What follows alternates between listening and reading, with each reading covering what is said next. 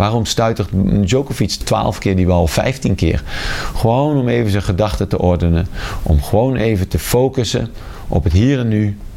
Wat hij moet doen en hoe hij het volgende punt wil spelen.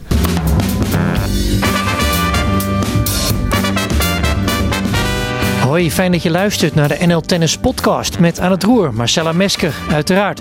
En mijn naam is Jan-Willem de Lange. Ja, een aflevering die geheel in het teken staat van mentale gezondheid dit keer.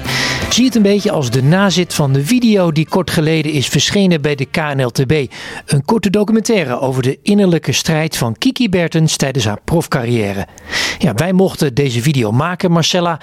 En voordat onze luisteraars de vraag gaan stellen, stel ik hem gewoon maar aan jou. Van waar deze nazit? Nou, allereerst denk ik omdat het een uh, hele heftige, intense, maar vooral mooie en bijzondere video en interview met Kiki was. Uh, en ja, mental health, mentale gezondheid is natuurlijk van alle tijd, maar vooral van deze tijd. We horen het veel in het huidige tennis. De laatste jaren Osaka, Kyrgios, Badoza, maar ook de nummer 1 van de wereld bij de vrouwen, Swiatek. Ja, die hebben het toch regelmatig te maken met uh, ja, depressies, met mindere periodes, met problemen. Um, ja, dus uh, het is zeker een punt wat uh, veel aandacht verdient. En ja, we proberen ook wat tips en tools te geven voor luisteraars die daar toch een, een, een, een ja, zekere herkenning in vinden. Dus het is uh, heftig, intens wat Kiki, maar ook Paul Haars en, en, en Raymond allemaal zeggen. Uh, maar ook denk ik heel nuttig voor uh, de luisteraars. En spelen met spanning. Bij de een is het zichtbaarder dan bij de ander. Maar het is uiteraard van alle tijden en ook van alle spelers en speelsters. En ook al verbergen sommigen het beter dan de anderen. Het betekent allerminst dat niet alle spelers spanning voelen, toch, Paul Haarhuis? Dat leg ik ook altijd aan die spelers uit. Ik zeg, joh, kijk nou eens naar Federer. Heb je het gevoel dat hij, uh, dat hij veel last heeft van zenuwen? Zeggen ze altijd nee. Ik zeg, op het moment dat hij het matchpoint wint, is hij dan, toont hij emoties of blijft hij heel cool? Nee, uh, soms moet hij huilen of dan is hij zo blij en dan rolt. Ik zeg, ja, dus het kan niet zijn dat die emoties er niet zijn en ineens is de laatste bal net en ineens is er emotie. Ik zeg, die emoties zijn er, alleen hij weet gewoon onder controle te houden door zijn gedachten op, op het hier en nu te leggen van oké, dit is mijn taak nu.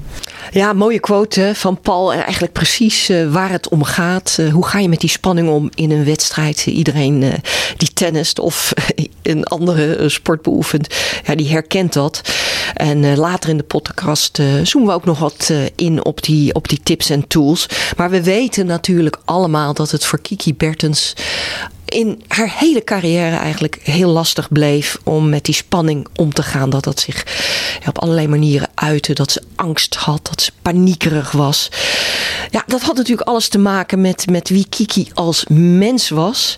En uh, dat eigenlijk die faalangst er als jong meisje al in zat. Ik heb bijvoorbeeld als jong meisje nooit gedroomd van om in de grootste stadions van de wereld te spelen. Meer om echt het, wel het uiterste uit mijn carrière te halen. Dus wel het uiterste uit tennis. Um, maar inderdaad dat ik het dat ik zelf het gevoel zou hebben dat ik niet uh, gefaald heb. Um, ja, dat, dat denk ik dat dat mijn droom altijd geweest is. Ja. Wat wel mooi is, vind ik, is dat ze zegt: Ik heb altijd het uiterste uit tennis willen halen. Nog veel meer uit haar carrière. En dat is ook iets uh, wat, haar kenmerkt. Hè. Uh, ze was dol op het spelletje tennis. En daar beter in worden, spelletjes winnen. Niet per se in, in de grootste stadions van de grootste speelsters winnen. Nee, ze had een enorme competitieve drive. Ja, en die heeft, die heeft haar heel ver gebracht. Zonder dus een concrete tennisdroom. Ze heeft uiteindelijk wel heel veel bereikt. En daar is een mentale kracht voor nodig geweest. Enorm doorzettingsvermogen. Maar, maar als we kijken naar die mentale kracht, ja, dan rijst ook vaak de vraag: is dat nou iets wat te trainen is als je in het onderwerp duikt? Nou, Paul Haarhuis, die is daar bijzonder uitgesproken over. Nou ja, het is zeker te trainen. Het is gewoon het, het controleren van je gedachten. En, uh, en de een heeft daar meer moeite mee dan de ander. De een komt het natuurlijker dan de ander. Dat, dat, dat, net zoals de een misschien van nature een betere voorhand heeft of een betere servicebeweging. Hè? En je kan niet een servicebeweging um, van iedereen nabootsen, want dan zou iedereen zoals uh, Richard Krajicek serveren. Um, maar dat kan niet. En dus is het voor de een veel moeilijker om ook mentaal dingen te accepteren, omdat ze gewoon een andere persoonlijkheid hebben. Ik had bijvoorbeeld als ik tijdens een wissel heel erg zenuwachtig was, of dat ik dan dacht van oh, maar nu moet ik die set gaan uitserveren zo meteen, of um, oh, het is nu wel spannend. Ik had dan juist heel erg dat soms tijdens een wissel draaiden ze natuurlijk muziek, dat ik dan het, liedje mee ging zingen. Uh, maar ja, als je inderdaad geen muziek hebt tijdens, tijdens een wedstrijd, ging ik uh, zitten op het bankje en bijvoorbeeld alleen maar staren naar de servicelijn en dan de, de middenlijn, zeg maar, waar die elkaar kruisen. Dat je gewoon een bepaald punt op de baan hebt, dat je even daarop focust. Ga denken aan hoe je die bal wil raken. Waar wil je die bal slaan? Wat wil je met je benen doen? Ben actief. Ga niet uh, minder met je benen doen um, omdat je in je hoofd onrustig wordt. Nee, ga juist je benen triggeren, de activatie. Ga sneller om uh, ruimte creëren, zodat je beter voor een bal staat. Ga daar je focus op leggen. Als je daar je gedachten naartoe gaan, ben je niet met winnen en verliezen bezig. Dan ben je met de kleine puntjes uh, hoe je een bal wil slaan. Als je met je service zorgt dat je je uitrekt, zorgt dat je je benen gebruikt bij je service. Allemaal die dingen in plaats van, oh nu, nu geen eerste service fout. Of nu geen dubbelfout. Ja, um, die gedachten zijn heel normaal, maar ga je niet helpen. En dus moet je jezelf tot de orde roepen, kunnen roepen. Waarom stuitert Djokovic 10 keer of 12 keer die bal of 15 keer? Gewoon om even zijn gedachten te ordenen. Om gewoon even te focussen op het hier en nu wat hij moet doen en hoe hij het volgende punt wil spelen. En wat daar de belangrijke aanknopingspunten voor hem zijn. Dat zijn zijn gedachten tijdens dat stuiteren. Ja, mooi wat hij zegt uh, over Novak Djokovic. Want uh, onlangs won hij natuurlijk zijn negentigste ATP-titel. Enorm. En uh, de eerste vraag die hij kreeg. je won nu je negentigste ATP-titel. Had je dat ooit durven dromen toen je jong was? Toen viel er even een seconde stilte. Toen zei hij, ja, eigenlijk heb ik durven dromen. Ik heb groot gedroomd. En dat is het precies het verschil tussen ja, Djokovic en Kiki. Er is natuurlijk wel meer verschil tussen, maar goed, Djokovic durfde grote dromen. Die zag het voor zich, die visualiseerde hoe hij de beste tennisser ter wereld uh, werd. Hij wilde dat ook. Hij wilde het uiterste daarvoor uh, voor doen om dat doel te bereiken. En dat doel en die droom heeft Kiki nooit gehad. En nooit ja, eigenlijk willen hebben. Zo kun je het uh, formuleren. Ja, en, en, en dan vertelt Kiki in de film dat ze niet zozeer die droom had, of dat ultieme doel, maar vooral het doel had om niet te falen. Dat is iets wat, wat toch steeds weer terugkomt. Uh, omdat dat iets zou zijn dat haar gelukkig zou maken. En, en daar breekt ze ook over. Uh, en, en dat betekent voor haar ook meer, of zou meer voor haar hebben betekend dan wat voor tennispiek ook. Hè? Ze zegt ook, ja, ik weet niet of een Grand Slam titel mij gelukkiger had gemaakt. Ja, uiteraard, dat had ik wel gewild. Maar dat is nooit haar ultieme doel geweest. Ja, en als we het dan hebben over falen, dan is dit de visie van Paul Haarhuis. Ik vind dat je alleen maar kan falen als je niet alles geeft om een, om een, als je op de baan staat dan, om een wedstrijd uh, te winnen. Als je opgeeft. Ik vind dat heb je in de hand. Of je verliest en die tegenstander is beter. Uh, of je speelt gewoon een dag niet zo goed. Kan allemaal gebeuren als je maar strijd levert. En dan heb jij in ieder geval gedaan wat je kon doen. En dat is natuurlijk iets, het, het bijna hoogst haalbare voor, voor, een prof. Dat je, dat je in die mentale toestand uh, uh, komt. Uh, iets wat, wat Kiki in ieder geval erg lastig vond. ook om, om het plezier op de baan te, te hebben tijdens, tijdens een wedstrijd. ja, daar zijn, daar zijn meerdere voorbeelden van. dat ze wel een hoogtepunt beleefde. Een sportief hoogtepunt op de baan. Maar dat daar niet het plezier op volgde. Maar bijvoorbeeld iets heel anders als opluchting. Dus in plaats van die blijdschap. En daar geeft Raymond Sluiter het volgende voorbeeld van. Bijvoorbeeld meegemaakt dat ze een halve finale in Nuremberg won en dat ze echt heel erg happy was. Uh, en dat we van tevoren een beetje twijfelden of ze, of ze zou spelen daar zo. Nou, we samen voor gekozen om daar te gaan spelen. En ze wint de halve finale. En ik zag dat er nou ja, opluchting, maar ook een stukje blijdschap was van hé, hey, weer een finale. En de volgende ochtend wilde ze eigenlijk niet de baan op omdat de spanning haar gewoon zo dwars zat. Dus dat ging dan echt van vrijdagmiddag was die halve finale naar... hey, wat lekker, wat fijn, we zijn hierheen gegaan, goede beslissing genomen, goed uitgepakt, helemaal top. naar uh, laat die finale maar hangen, laten we maar wat anders gaan doen. Ja, positieve energie op de baan. Um, een, een, een, project uh, waar dat nooit helemaal is afgerond, in ieder geval door Raymond Sluiter. En daar zegt hij het volgende over. Ik had haar zo gegund, omdat, sterker nog, dat is bij het laatste echt inhoudelijke gesprek of we samen doorgingen of niet. Dat is letterlijk de tekst die ik tegen haar gezegd heb. Ik zeg, ik zou je heel graag willen helpen om te kijken of we jou uh, ja, met, met, met, met blijdschap, met positieve energie, echt met positieve energie op de baan kunnen laten staan. Toen zei ze tegen mij: gaat toch niet gebeuren. Ja, ja dan houdt het op. Ja.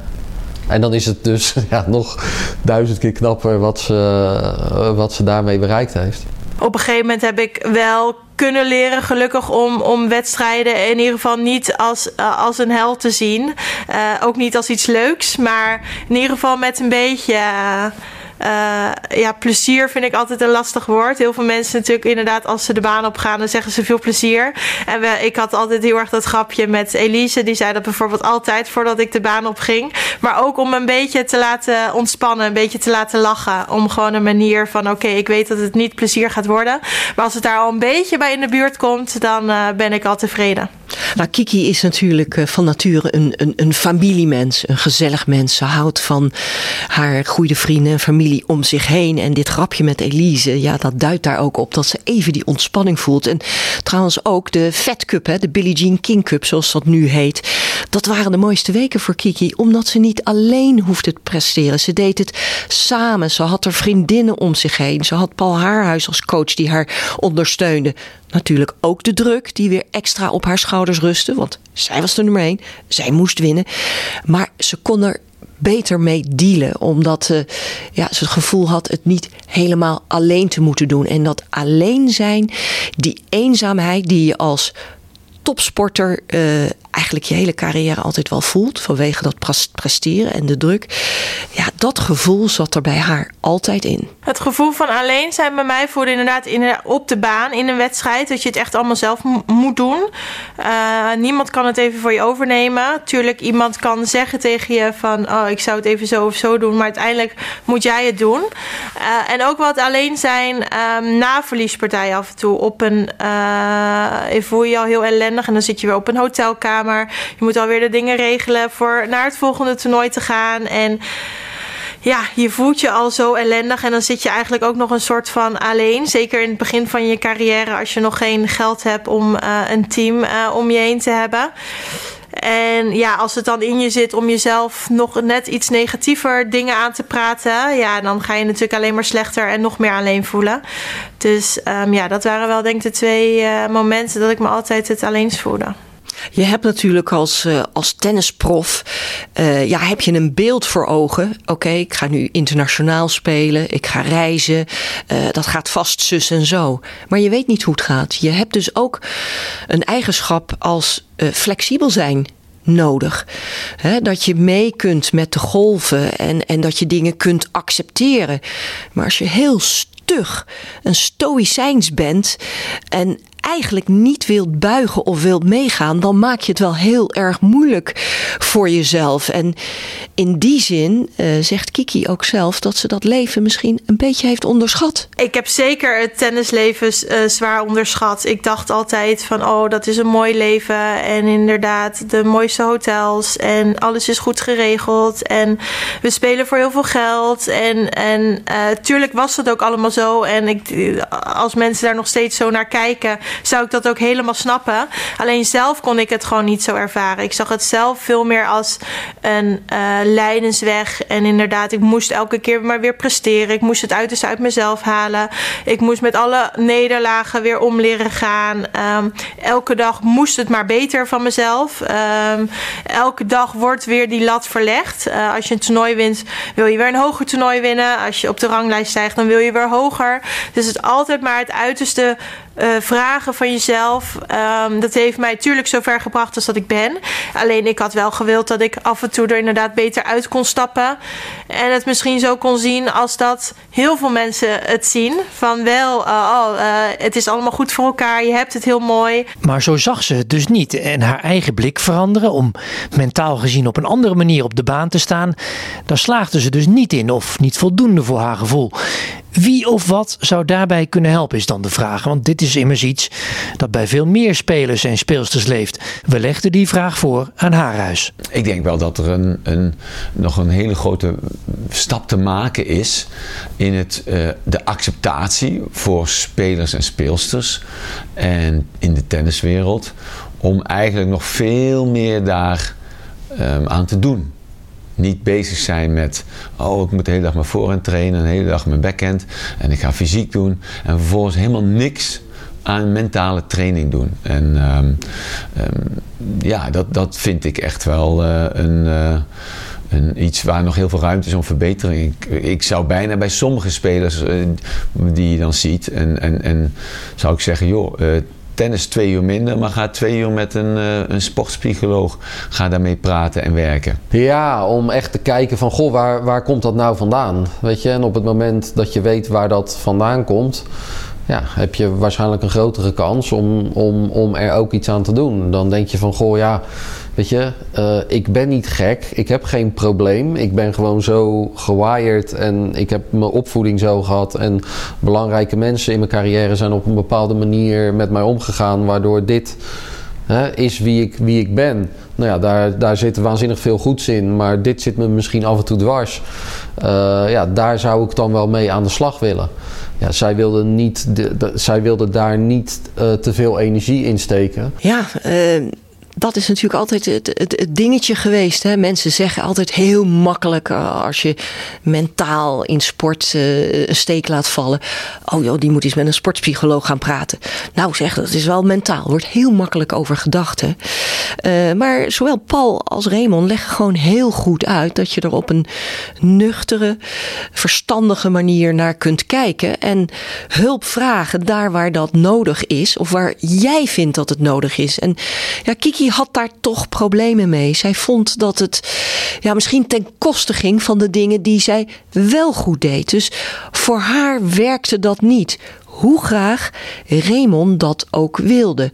Um, ja, hoe het was gelopen, dat weet je niet. Ze is vier in de wereld uh, geweest. Dus ja, veel beter kan het eigenlijk niet. In ieder geval kun je zeggen dat Kiki nu, nu happy is. Uh, uh, en, en dat ze tijdens haar carrière niet, niet dat punt heeft gehaald. ja, in ieder geval waar, waar Raymond naar streefde. Of waar hij zijn project van wilde maken. En voor Kiki was er dus uiteindelijk een afscheid van de tennissport als prof voor nodig. Om dat gevoel van happiness dag in dag uit te voelen. Ik zag die happiness uiteindelijk wel uh, steeds meer naast de baan. Ondanks de druk. Uh, dat ze een stabiele relatie uh, had, heeft met, met Remco. dat ze een huis konden kopen. weet je, dat ze dat voor elkaar gebokst hadden. Het, het, het, plaatje huisje, boompje, beestje. Ja, dat was ook altijd iets waar, zij, waar ze wel naar verlangde.